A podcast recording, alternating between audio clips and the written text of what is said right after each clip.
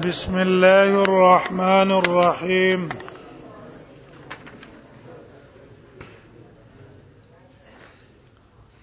وبه قال حدثنا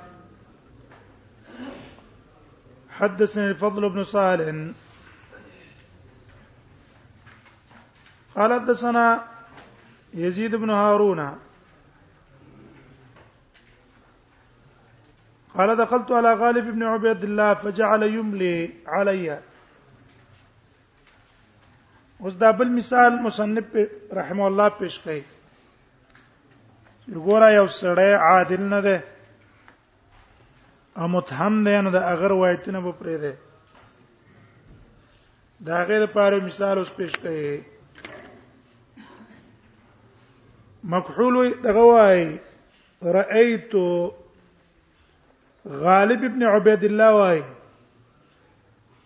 دا خلیفہ ابن موسی وای ز په غالب ابن عبید الله ورلم پاره د احادیثو زده کولو روان ته حدیث بیان کا چې تانه حدیث نقل کو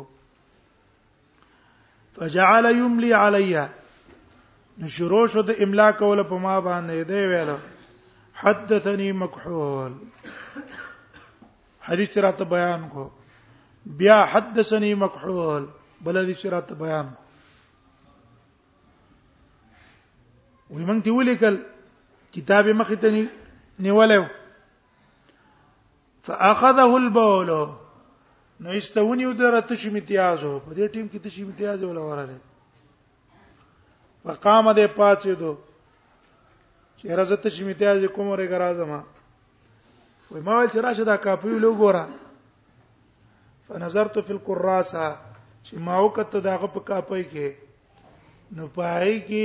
حدیث الټو هغه کې فیضا فی حدثني ابان عن انس ابان ما ته حدیث بیان کړی د انس نه او حدثني ابان عن فلان ما ته ابان حدیث بیان کړی د پلان کې نه نو ګوره روایتونه د ابان او علی په چا ور کوله په مکحول او ابان روایتونه خو زویب دي کنه او د څه کول دجلې کو چل ولې کو هغه کمزور روایتونه په مکحول ورته پل ويستزت پاتې دلم فترکته وقمت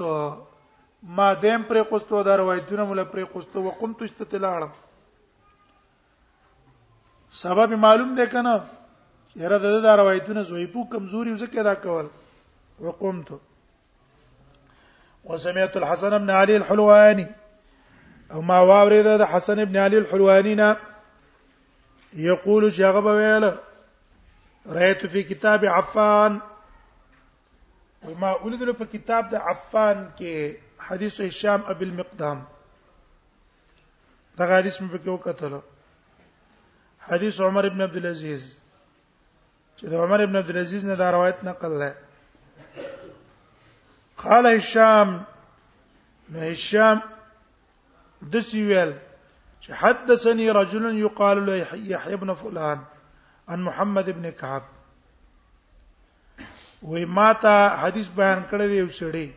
چې هغه ته یحیی ابن فلان وای د چانه د محمد ابن کعب نه د چرته د حدیث بیان کړ کنه د عفان په کتاب کې دا عفان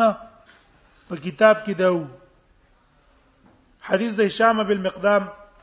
مدیره ته بیانول نو په دې کې دا ویل چې حدثني رجل يقال له يحيى بن فلان هشام وای وې ما دي عفان ته ویل استاذه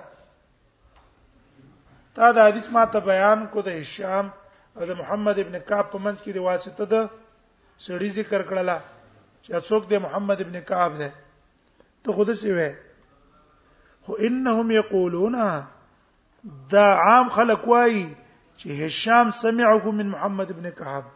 چې هشام دا په خپل د محمد ابن کعب نه اوریدل دی د هشام او د محمد ابن کعب په منځ کې په کې څه نشته واسطه نشته نو ته د دې عام خلکو نه ولې مخالفت کوو غرض یې پیښ وای اے وې دی عفان نه دی عفان د چې موږ تحدیث بیان کو نو د پادیس کې څو په کتاب د عفان کې خبره ده سیوا حسن بن علي حلواني وای چې ما د عفان په کتاب کې حدیث د هشام بن مقداد لیدلو عمر بن عبد العزيز نو په دې کې دا کتاب خو ما کتل په کتاب کې ملي دی خو ایسته هشام راولګېدو چې دا حدیث په خپل هشام بیانو حاصل باندې ورسېدای د عفان په کتاب کې مې وکتل عفان په کتاب کې نو داغه په کتاب کې دا و چې ان هشام ان محمد ابن کعب او خپل چې هشام د حدیث بیان کونه چی ویل قال هشام حدثني رجل و هشام ویل چې حدثني رجل يقال ابن فلان محمد کعب ما به دې عفان ته ویل چې انهم یقولون هشام سمعه من محمد ابن کعب دا خلق د سی وای چې دا په خپل دا غنه اوریدل دی و یا غره ته ویل عفان ان مبتلی من قبل هذا الحديث دا چې خراب شو کنه دا خرابې سبب څه د دې حدیث د وجه نه ولی کان یقول اول کې به د سی ویل چې حدثني يحيى محمد ما ته حدیث بیان کړی دی یحیی محمد نه اول به د محمد او د کعب په منځ کې څوک ذکر کاو دا واسطه به ذکر کوله بیا چې دا خبره ته ختمه شوه ختمه شوه ثم ادعى بعد انه سمع من محمد به دعوا وکړه چې ما دا په خپل د چا نه اوریدلې دا مې د محمد نه اوریدلې ده نو حاصل دا شو ګوره چې د باندې نقصان اصل کې دا راغی خلکو زکه غورځاو چې د اول کې به ویل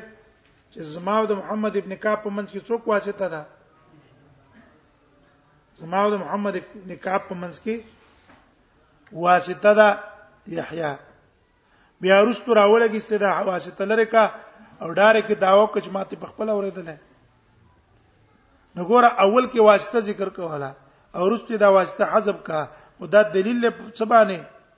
زه په تغییر باندې کنه لیکن علما وايي دا سبب ته جرح سړی کې نه جوړيږي ویګي یو ځل د روایت نقل کې بل واسطه د دا او دا استاد په منځ کې او بیا د رستو دا روایت نقل کې بلا واسطه دا سبب د جرح نه جوړیږي ترڅو پورې چې نور قرائن په دې موجود نه چې دا سړی په دې خپل دعوه کې دروغجن نه ولې وجه دا ده یو راوی برا ولګي د استاد نه روایت نقل کړي خرستو به تیر شوی سبا ته شوی هر شوی بیت او د د شاګرد به د دنه روایت نقل کړي نو دا به دا روایت به ته د استاد نه نقل کوي په واسطه د چا شاګرد لکه مخکې تر شوی کنه حدثني فلان عني قال حدثني فلان او هغه روایت نقل کړي روستو به زین خپل ځای لراشي چې دا روایت خو ما رښتیا دغه نه اوریدلې وکنه خو ما ته د حدیث بیان کړي اوس مې زین تراله نو بیا چې زین ته خبره پوره په ثقتوب راشي او روستو د دا واسطه حذف کی دا په کذاب ته کرشتونه ده شتونه ده کنه دیو جن دا امام مسلم دا کوم خبره ذکر کړه سبب د جرح پورا نه ده ترڅو پورې دې سرڅ نه نو قرائن نه خبره پیښ وای سبب د جرح باندې چې اول به د هشام روایت نقل کو د واسطه به کې ذکر کوله ټیک شو ابل مقدام نه ده دا خو هشام ابن مروه دا خبره نه ده هشام ابن مقدام ده ټیک شو حدیث عمر ابن عبد العزيز دغه هشام ابن عبد المقدام وای په د باندې تهمت سبب هم دغه وجه شو چې اول کې واسطه ذکر کوله او بیرستی دا واسطه څکړه د حزم کړه ٹھیک شو خود دلته چې دا سبب د زوی په ذکر ذکر کو چې قرائن موجود دی په دې قرائن چې دا حدیث د نو اوریدل دا غنه او نه سم ملاقات شوه نو دیو جن ائمه په د باندې جرح وکړه کني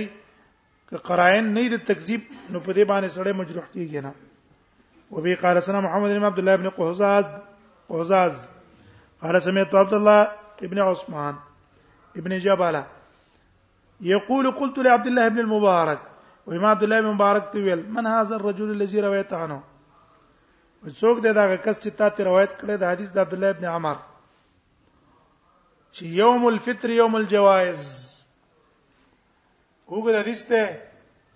چې اختر ورځ ته یوم الجوایز ویل دا ورځ ده چې الله په دې باندې څور کوي خلکو ته جایزه ور کوي وې دا حدیث چا نقل کړه یوم الفطر یوم الجوایز نو قال سليمان الحجاج ویل قال دوی سليمان بن الحجاج ودا حدیث ما ته نقل کړی سليمان بن الحجاج وې غنه مې دا اورېدل نو بیا راته ویل چې زه ټیک دا انظر ما وزعت فی یدک منه انظر ما وزعت نو وګوره هغه شی چې یې خیر استا په لاس کې تا په خپل لاس کې یې خیر منه دا غنه د دې جملې مقصد څه دی د دې جملې مقصد امام مسلم رحم الله وايي چې مقصد توثیق دی توثیق چې هلکه سليمان بن حجاج د سې سره ده دا کوم روایتونه چې دا غره نقل کړو ګوره دا وګوره تا ته چې کوم تیز دکړه کنه دې کې ګوره د ثقه خبرې دي کمزوري نه دي اواسه محمد له نه غاڼه مقصد به کې څه شول مقصد به کې توثیق شو انظر ما وضعت في يدك منه وګوره ته هغه شی چې ته یې خیره په خپل لاس کې دا غنه قال ابن جبله دار ابن جبله وای یقول ابن جبله ته یقول ابن جبله وای قلت لعبد الله ابن المبارك دقه سمع عبد الله ابن مبارک خاغه شو وقال ابن قهزاز ابن قهزاز وای وسمعت وهب بن زمعه دارنګ وهب بن زمعه ما اورید یذكر سفیان ابن عبد الملک وی چې هغه ذکر کول د سفیان ابن عبد الملک نه دا خبره چې قال قال عبد الله عبد الله بن مبارک وای یعنی ابن المبارک قصقی په عبد الله باندې ابن المبارک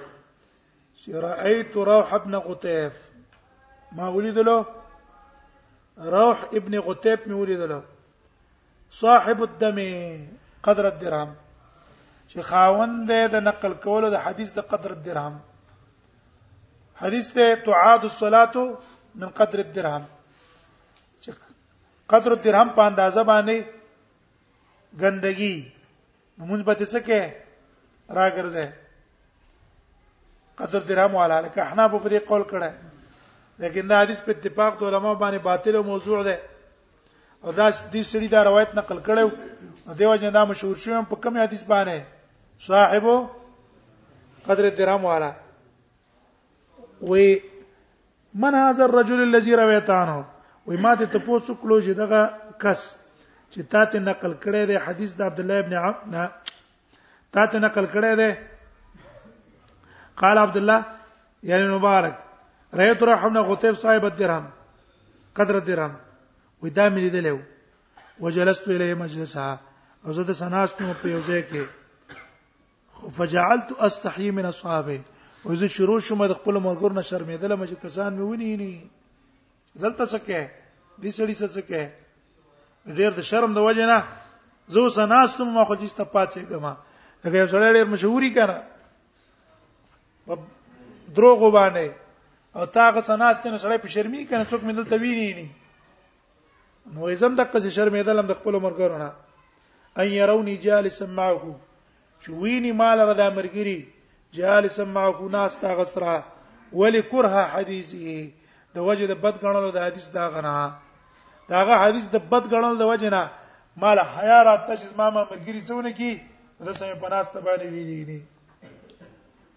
وبي قال سنا ابن قحزاز دې کې مناسبت د باب څه شو کنه ګوره بدیو له بیان کړه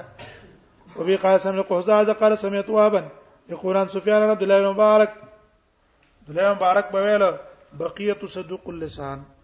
وي بقيه جبه رشتیا ده ولكنه ياخذ عمن اقبل وادبر لكن دې روایتونه نقل کړي هغه چانه اقبل چې هغه را متوجه شوی د احادیث ته معنا ثقه ده اقبل چاته وي ثقه د اهل د احادیث او توجه دي سنت تور کړی دی ذکر کړی دی او ادبره او دا روایتونه نقل کړي دي چانه هغه چانه چې شاهد کړی ده اقبل او ادبر وبي قاسنا قتيبة بن سعيد قال سن جرير ادبر چاته وي زعيب ته د احادیث تشاور اړولې ده ضبط واره نه ده یا ادبره د شاور اړولې د هغه چاته چې هغه اهل د حدیثونه ده هغه ته بصور ګرځیدل ده روان شوی وبي قال سنه قتيبة بن سعيد قال سنه جرير المغيرة عن الشعبي قال حدثنا الحارث الاعور الحمداني وي حارث الاعور الحمداني ما حدیث بیان کړه وهو يشهد انه احد الكاذبين خو وردا شعبي گوي ورکې د دې خبره وی ګوره د حدیث را ته بیان کړي او ګوره زه دا وایم سره د دې بیانولو نه انه احد الكاذبین دا حارس الاعور یو د دروغجن نه دروغجن نه نو ګوره د ته کذاب ویلو کوي نه ویلو د کذاب ویل نه ناروا نه دي بلکې دا د دین نه دفاع ده وبي قال سنه قتيبة بن سعيد قال سنجرير المغيرة عن ابراهيم قال قال القما وی القمه ویلا قرات القران فی سنتين وجد جرح ولا بیان وی القمه ویلا ما قران د عبد الله بن مسعود نه په دوه کال کې زده کړه القمه د عبد الله بن مسعود خاص شاګرد قال الحارث والقران هير الوحي اشد وی قران زده کول آسان دي والوحي اشد او وحي زده کول چې کوم دي کنه دا سخت دي سخت دښوا دا مقصد څه ده ما مقصد دا ده چې دا حارس الاعور الحمداني ډیر سخت شدید شي یو څو ډیر سخت شدید شي یو او د دیر د غلو په تشیع د وجنه د قران مو تسبیح کار کېدل دلته د وحی څخه څه مراد ده وې دلته د غرض دا دی چې د وحی نه مراد کتابت ته کتابت کتابت همدار معرفت الخط نه معنی خطابی کړي وی عبد الله ابن مسعود ویل علقمه ویل چې ما قران دوه کاله کې زده کو حارث تیر مړ قران زده کول آسان دي خدا خط او کتابت چې کوم ده دا ګران کار دی وګوره د قران سپک کار کېدو او دا شینو تمخ کې کار کېدو ٹھیک شو دا یو قول شو دویم قول دا دی دویم قول چې نه د دې وحینا معنی څه ده هغه راز دی راز چې نبی صلی الله علیه وسلم علی ته خصوصي وصیتونه کړو او پټ رازونه ولور کړو او خبر ول په غیب باندې ور کړو په واسطه د وحی چې عام خلک پاغې نه پویدل نو دلته د دا ویل چې قران آسان دې زده کول مړه ول وحی اشد اغه اسرار او رموز چې نبی صلی الله علیه وسلم خصوصي علی ته خودلیو دا غیز د کول ځدی سخت دي او دا د شیعاګانو مذهب ده کنه عليهم لعنت الله والملائکه والناس اجمعين دا ډېر شدید دشمنان دي د اسلام او د مسلمانانو هغه وی چیرې دا خصوصي اسرار او رموز چاله الله نبی صلی الله علیه وسلم ورکړیو علی له ورکړیو ظالمان را لګي د نبی صلی الله علیه وسلم بیبيانو باندې تهمتونه لګي د نبی صلی الله علیه وسلم ټول صحابه مرتد ګڼي چیرې به څو کسا هغه کوي او اصل دی مجوس ایرانیان نه دي دې پلاران چې کوم دي کنه دا مجوسیان دي عابدین النار او سما غشین دي خو صرف ظاهر کې اسلام کار کړه د مسلمانانو د مخالفت لپاره او نور دي يهود اصل پیداوار دي د يهودو او ماغه مجوسیت په کرا روان دي او د اسلام مقابله طرز کې دي ولاړ دي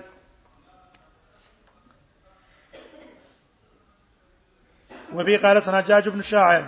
قال سنا احمد يعني ابن يونس قال سنا زايد توان العمش عن ابراهيم ان الحارس قال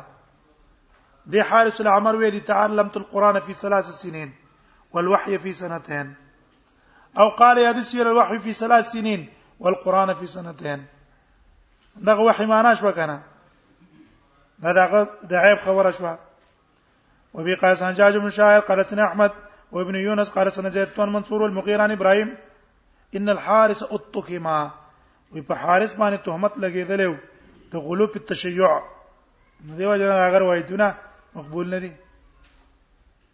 او توهم دی بل روایت کې حدثنا قتيبة بن سعيد قال سمع جرير حمزه زياد قال سمع سمع مرة الهمداني مرة الهمداني حديث وارد حارثنا فقال له نو دوت ویلا اقعد بالباب دلته دروازه باندې کینه ودرېږه دروازم قال فدخل مره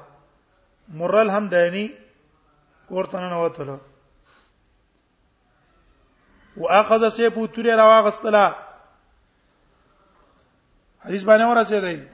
د حارس را اولګه د دروغ حدیثونه مره همدانی ته بیانول دو تیر استاد دلته ودرې غزر وزم ورته نو ته تورې راوي استلا قال وحس الحارس بالشر فذهب